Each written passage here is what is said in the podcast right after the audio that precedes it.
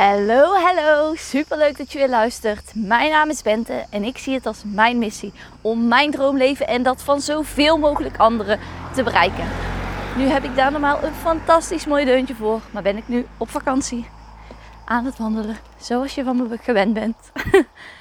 en uh, ik ga je vandaag meenemen in uh, ja, mijn dikke oog en uh, hoe dat dingen in perspectief zetten en welke lessen ik daaruit haalde misschien dat ik nog niet alles kan delen, omdat het wel nog vrij vers is. Maar ja, dat is uh, even hoe het nu gaat. Ik uh, ben op momenteel op vakantie in Griekenland en donderdagavond, denk ik, ja, ben ik gestoken door een mug. Meerdere malen, twee keer op mijn rug en één keer op mijn uh, hoofd net boven mijn oog. En uh, vrijdag zijn we naar het waterpark gegaan. Toen merkte ik wel, toen zei ik tegen Kevin van, goh, ben ik gestoken boven mijn oog? Hij zei ja. Ik zeg, oh, wordt dat dikker? Want ik voelde alsof mijn oog een beetje aan het opzetten was. En ik heb dat ooit eerder gehad en toen is het echt uh, ja, heel dik geworden en echt een week ongeveer zo geweest. Dus um, had zoiets even in de gaten houden. Maar goed, vervolgens ga je heel de dag uh, over glijbanen. En heb je eigenlijk heel de dag afleiding. Dus uh, nou, dus waren we s'avonds thuis. Ik zeg, ja, ik heb toch het idee dat, uh, dat hij dikker wordt. Kevin zei, nou, het valt wel mee. En we gingen slapen. En ik voelde gewoon dat ja, de dikte aan het toenemen was. En uh, ik dacht, ja, god, doe ik dit nou met mijn eigen focus, weet je wel? De hele dag was ik er minder mee bezig en is het minder aanwezig. En nu nu uh, is het in één keer veel meer aanwezig. Nou goed, ik ga gewoon slapen. Tot ik midden in de nacht dacht, fuck, volgens mij krijg ik mijn ogen bijna niet meer open. En waarom weet ik dat? Nou ja, sowieso voel je dat natuurlijk, maar ik kan normaal niet knipogen. En iedereen kan dat wel in de wereld, lijkt altijd, maar ik kan dat niet. En uh, ja, in één keer kreeg ik dus mijn oog niet meer open. Dus ik stond voor de spiegel te bekijken en ik denk, oké, okay, fuck, is wel heel erg dik. Maar goed, dat weet ik, daar gaat eigenlijk vanzelf over. En, nou, Kevin stond binnen één minuut naast me en hij zei: Wow, moeten we de dokter niet bellen? En anders gaan we naar het ziekenhuis. Ik zei: Schat, dit is een allergische reactie.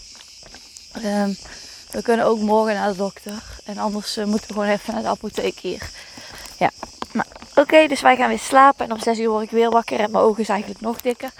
Dus Kevin zegt van ja, zullen we dan nu de dokter bellen? En dat kan ook via Sunweb. Ik zei nee schat, probeer nog maar even te slapen en uh, we, bellen, we bellen zo wel. Dus Kevin slaapt nog twee uur. Ik kon eigenlijk niet echt meer slapen omdat het toch best ongemakkelijk was. En um, nou goed, we bellen de dokter. En uh, via Sunweb maken we een online afspraak.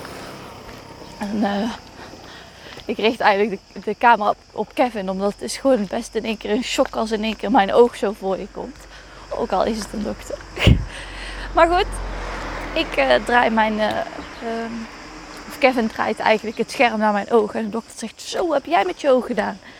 Dus ik leg het verhaal uit dat ik dit al eerder heb gehad. Dat ik denk dat het een allergische reactie is. Maar ja, dat het wel vrij heftig is. Dus dat we daarom even bellen. Nou, de dokter geeft het advies om antihistamine tabletjes te gaan halen. Maakt verder niet uit waar. En indien het de volgende dag niet beter is, uh, dat we hem terugbellen. Opnieuw een consult inplannen. En uh, dat hij iets sterkers, iets van morfine of een andere onverklaarbare medicijn, uh, onverklaarbare waarvan ik de naam niet weet, zou voorschrijven. Dus nou, prima. Ik dacht gelijk bij mezelf, oké, morfine of wat dan ook, dat is echt zooi en dat wil ik niet in mijn lijf. Ik weet dat dit heftig is, maar ik ga er alles aan doen. Dat het niet zo is. Plus dat ik het al een keer had gehad, geeft ook weer. In ieder geval gaf mij dat ook weer vertrouwen dat je weet, oké, het ziet er heel heftig uit, maar uiteindelijk is het een allergische reactie, is heel vervelend, is niet fijn, maar het is niks levensbedreigend, het is niks geks. Dus, nou goed, wij gaan het gesprek uit. En um, nou, wij gaan naar buiten. En daar krijg ik eigenlijk al mijn eerste shock. Ik kom er dus achter dat ik eigenlijk helemaal niet goed diepte, de diepte kan zien. Want nou, ik heb natuurlijk nu één oog waar ik door kan kijken. Dus je gaat van 100 naar 50 procent. Dat is niet wat je bent gewend. Dus ik kom er eigenlijk al meteen achter twee dingen.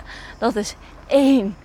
We mogen echt, echt, echt, echt, echt in onze handjes klappen elke dag. Dat we niet met een dik oog wakker worden. Of dat we gewoon weer een morgen krijgen. En niet alleen een morgen, maar ook gewoon een morgen ja, zonder zorgen. Maar gewoon waarin we alles kunnen zien. Dat is echt wonderbaarlijk. Dat hebben wij niet in de gaten tot het pas weer wegvalt. Dan twee. Hoeveel? Um, hoe kan ik dat beste zeggen? Hoeveel, ja, zo kan ik het best zeggen. Hoeveel onafhankelijkheid wij eigenlijk hebben daardoor. Want ik merkte meteen, doordat ik dus die ene oog die in één keer wegviel. En dat gaat later ook weer beter, want je went daar ook weer aan. Maar um, doordat het in één keer uit het niets was gebeurd, had ik in het begin echt even Kevin nodig aan mijn hand om uh, drempels te zien bij ons appartement. Die zeg maar in dezelfde kleur zo aflopen. En had ik moeite om de diepte in te schatten van bepaalde trappen. En dan denk je van, oh, wat heb ik normaal toch een vrijheid. Dat ik me gewoon zelf overal voort kan bewegen. En dat ik zelf kan doen en laten wat ik wil. Nou goed, dat was dus al binnen 100 meter van ons appartement kwamen die besefmomentjes dus al. Toen gingen we eigenlijk naar uh, het dorp hier. Toen kwam ik er dus achter van fuck. Oké, het is dubbel op. Ik wil eigenlijk mijn zonnebril opdoen, want het is een vrij heftig beeld. Maar als ik mijn zonnebril dus afdoe, wat gewoon fijn is als je ergens iets zit te drinken, dan heb ik niet altijd mijn zonnebril op. Dan kijkt dus iedereen. En met iedereen bedoel ik bijna iedereen. En niet alleen een keer kijken, want dat begrijp ik. Maar gewoon tien keer kijken. Of vijftien keer of twintig keer. En gewoon zien dat mensen over je praten. En dat is heel dubbel. Want enerzijds snap je dat, want je valt heel erg op.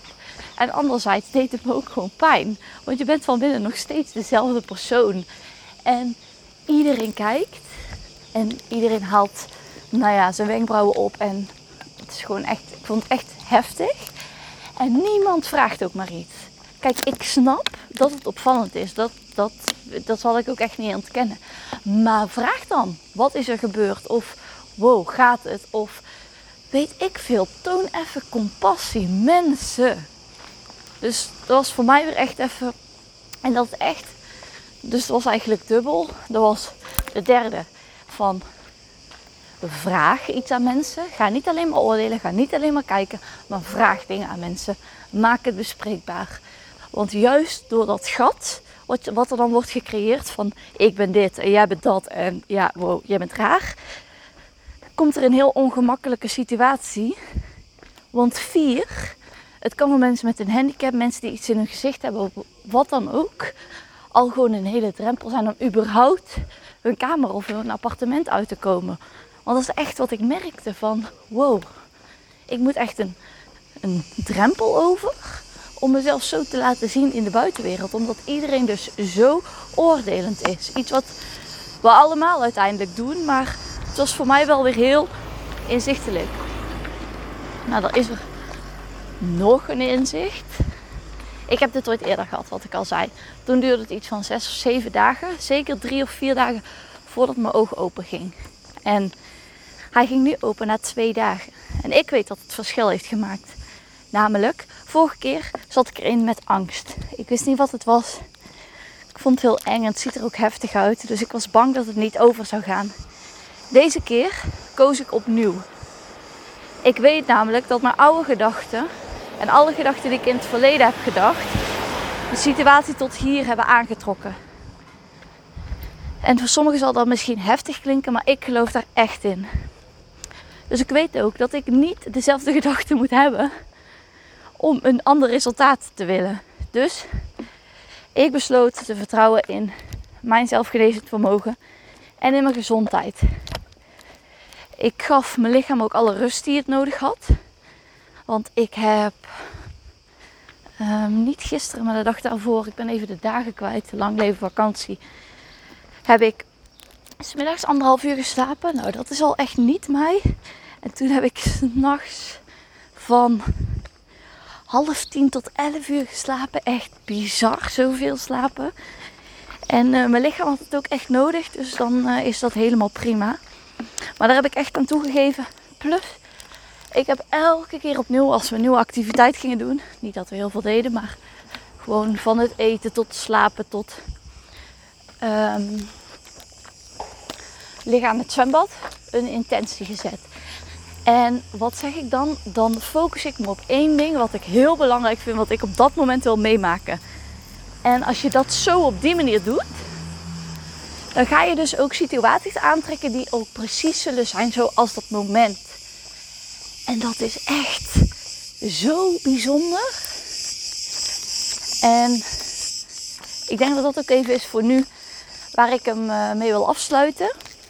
Want ik heb hier nog heel veel meer over te vertellen, maar ik voel dat nu nog niet helemaal de tijd is. Maar als ik je iets kan meegeven is het... Even een keer uitblazen. Doe aan, het heet volgens de Law of Attraction, volgens de wet van aantrekking, heet het segment intending. Dat is oorspronkelijk uh, ontstaan of bedacht door Abraham Hicks. Dat wordt eigenlijk gezien als een soort. Nou, weet je, dat ga ik niet uitleggen. Daar kun je jezelf in verdiepen als je dat graag wil. Maar zij zeggen eigenlijk: wij zijn in de westerse maatschappij zo druk bezig met afleiding. Wij zijn met zoveel dingen bezig. Waardoor als wij een intentie zetten voor de hele dag, dan zetten wij die bijvoorbeeld om 8 uur s ochtends en om 10 uur s ochtends zijn wij die alweer vergeten. Dus als jij nou denkt, hm, klinkt uh, ja, wel toepasselijk voor mij, dan is dit echt iets om jezelf in te gaan verdiepen. Uh, ik had er vaker van gehoord, maar kwam weer in aanreiking door uh, de wet van aantrekking. Het boek, volgens mij heet het boek gewoon zo, maar ik zal straks even kijken voor jullie. En het gaat er dus eigenlijk om dat je je dag verdeelt in stukken. Dus bijvoorbeeld opstaan, bijvoorbeeld ontbijten, bijvoorbeeld wandelen, bijvoorbeeld podcast opnemen. Bijvoorbeeld, heb ik nu overigens niet gedaan, maar uh, aan het zwembad liggen. Bijvoorbeeld scooteren. Bijvoorbeeld, het kan van alles zijn. En een voorbeeld kan bijvoorbeeld zijn als je gaat scooteren. Mijn intentie is dat wij uh, veilig aankomen op onze plek van bestemming en het daar enorm naar ons zin hebben. Uh, een intentie kan zijn voordat je gaat slapen is. En dit heb ik dus uitgeprobeerd en het werkte fucking meteen. En dat is ook waar je aandacht naar heeft groeit. Ik geloof het echt, echt mijn waarheid. Maar goed, mijn intentie voor het slapen. Toen zei ik dus van, um, voor mijn eh, incident met mijn oog, zei ik van, als ik nu ga slapen, dan wens ik dat ik enorm uit, dat ik, um, even denken hoor. Dan wens ik dat ik toekom aan alle rust die ik nodig heb en dat ik volledig uitgerust wakker word om 9 uur. En je raadt het al, alle dagen daarvoor moest ik vier keer plassen. Was ik soms zelfs een uur wakker, soms zelfs twee uur wakker. Soms gewoon onrustig. En die nacht, ik hoefde niet naar het toilet s'nachts en ik werd om 9 uur de volgende dag wakker. Nou, dat is geweldig. Dus ik dacht echt, waarom doen niet meer mensen dit? Ja, misschien doen meer mensen dit, maar... Dus laat dit je teken zijn om het een kans te geven, want you're missing out. Nou, super leuk dat je weer luisterde. Als je het leuk vond, laat het me dan weten of uh, laat een comment achter. En tot later. Doei!